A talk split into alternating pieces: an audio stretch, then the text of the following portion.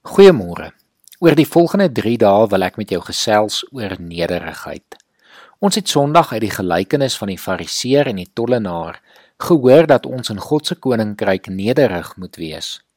Die gelykenis eindig met vers 14 wat sê: Elkeen wat hoogmoedig is, sal verneder word, en hy wat nederig is, sal verhoog word. Hierdie is natuurlik nie 'n nuwe konsep wat Jesus geleer het nie. Reeds in die Ou Testament en in die Psalms hoor ons dat nederigheid hoog deur die Here geag word. Veral Spreuke praat baie oor nederigheid. Spreuke 29 vers 23 sê amper identies aan Jesus se uitspraak: Hoogmoed bring 'n mens tot 'n val. Nederigheid bring eer. Hiermee saam praat Spreuke gereeld oor nederigheid. Spreuke 22 vers 4 sê byvoorbeeld: Wie nederig is, dien die Here. Vir Salomo was dit al wysheid om in nederigheid die Here te dien. En eintlik kan jy nie die Here dien sonder om nederig te wees nie. Net so waarsku Spreuke ook gereeld teen hoogmoed. Spreuke 16 vers 18 sê: Op hoogmoed volg ondergang, op selfverheffing volg val. Ander Nuwe Testament skrywers het hierdie koninkryksbeginsels aangeneem en verkondig en geleer. Jakobus skryf in Jakobus 4 vers 10 en leer sy gemeente die volgende: Onderwerp julle in nederigheid voor die Here en hy sal julle verhoog. Ook Paulus skryf hieroor in sy brief aan die Korinte en waarsku die gemeente: Daarom wie meen dat hy staan, moet oppas dat hy nie val nie. Hy skryf hierdie veral met betrekking tot versoekings, dat niemand moet dink Ek is nou in beheer nie. Ek het die wet onder die knie nie.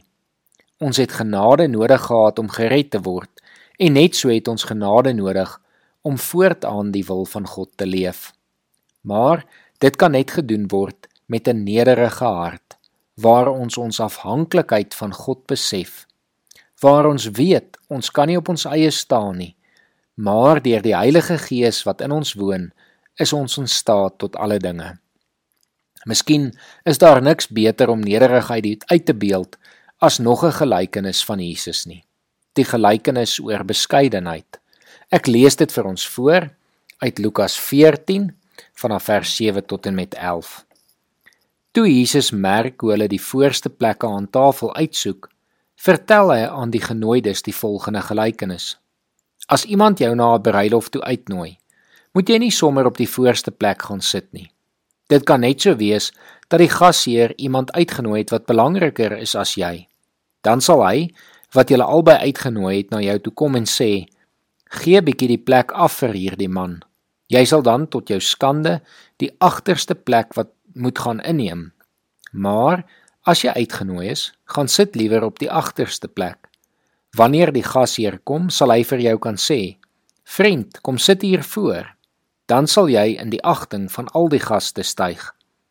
Elkeen wat hoogmoedig is, sal verneder word en elkeen wat nederig is, sal verhoog word.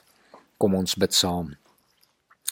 Here, dankie dat U vir ons nederige harte gee.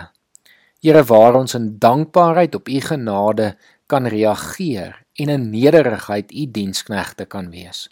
Here help ons en lei ons deur die Gees om dit ook in ons alledaagse lewens toe te pas op so 'n wyse dat mense deur ons nederige houding en lewe en dade uiteindelik kan sien dat ons u dienaars is. Amen.